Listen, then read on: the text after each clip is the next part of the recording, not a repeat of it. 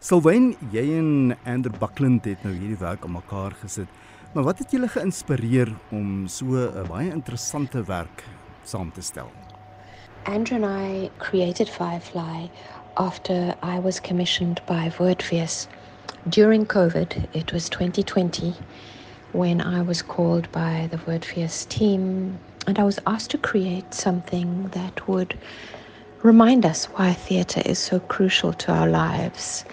I was asked to make it nostalgic, to make it whimsical, to make it entertaining, lovable, and also to remind us of our childhood. So there were lots of things that I needed to crack in this brief. But I immediately said, well, the only person I can work with in this regard is Andrew Buckland. Called him up. We've worked together very often, but never on stage together. I've directed him and we've collaborated, but I have never performed with him. So it was a first for us. We got Tony Morkel on board to direct, and of course, the marvelous Tony Bentel to accompany us on piano. And the four of us collaborated really to create the stage version of Firefly. But also, we wrote remotely. So, Andrew and I wrote remotely for the first six months. Andrew was based in Makanda. I was shooting a film in Mauritius at the time when I started the process. And we carried on writing when I came back to Joburg, and he was still in Makanda and only got onto the floor with the work in February of 2021. In baie van die promosiemateriaal word daar genoem dit is 'n verhaal van die maan, a tale of moon crossed love. In kort, wat is die verhaal en hoekom hierdie verwysing na die maan? So the moon is very much involved in this piece. Um, it adds the magical element that pulls two of the, the protagonists together in a very magical and beautiful way. It's moon crossed in the sense that it's also a very complex love that unfolds. But also, the departure point for this particular love was inspired by Herman Charles Bosman's wonderful story called Drieka and the Moon. It's a short story, and both Andrew and I completely fell in love with it because of Drieka's relationship to the moon and her relationship to men. I guess that was just a springboard. I mean, it's not at all Drika and the Moon story, but that was a springboard of inspiration. So the moon features heavily and it involves quite a large number of backstage hands to make certain things possible with the moon, not to mention Wolf Britz's exquisite designs uh, that really make you feel like there's a full moon in the theatre. Behalwe nou die liefdesverhaal, is daar ook 'n hele aantal subtemas wat hierdie verhaal baie kompleks maak om te volg. Daar's byvoorbeeld wraak, daar is verraad en 'n hele paar ander. Hoe kom hierdie temas dan na vore in die storielyn? Yes, with like with all love stories, are they ever simple? True, true love stories, are they ever simple? We we believe they're quite complicated. Each play three characters. We play the two narrators that tell the story, and they have a story between each other. We play the two lovers that m- meet on the riverbank under the full moon, and we play the spouses of those two lovers. So it is a constant, complicated, intricate story between all of these people.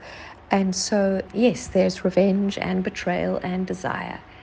And I think it's just all the components that make up a wonderful, juicy story. Dis 'n baie fisiese teaterstuk. Wat doen jy en Andrew op die vroeg? I think it's a no brainer that Andrew and I are largely physically based theatre practitioners. We uh, love to stretch the boundaries of what the body can do and can't do and challenge ourselves, as was the case with making Firefly, to finding the most complex and beautiful language in which to tell this story. We were very inspired by silent films, as in, you know, the 1920s, the movies of Buster Keaton and Charlie Chaplin, the extreme characters that exist in those films, and the style, like the stylistic world of those films. We were also very inspired by the French Art Nouveau silent films, which are very serious and often rather tragic, and really did quite a lot of research around that. So, the physical interpretation of all six characters that we play in total is very delineated, is very complex and very specific. So, yeah, I mean, it is very physical, and uh, we do our best to tell an incredibly wonderful story through our bodies. Die musiek speel nogal 'n baie interessante rol. Tony Bentel gebruik onder andere Love to the Moon van Dvorak.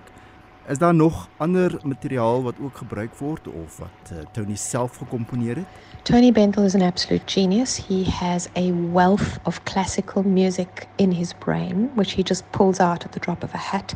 So while we were making uh, Firefly on the floor in uh, February 2021, he basically watched Andrew and I narrate the story and would accompany it, improvised as he watched. And it was often instinctive.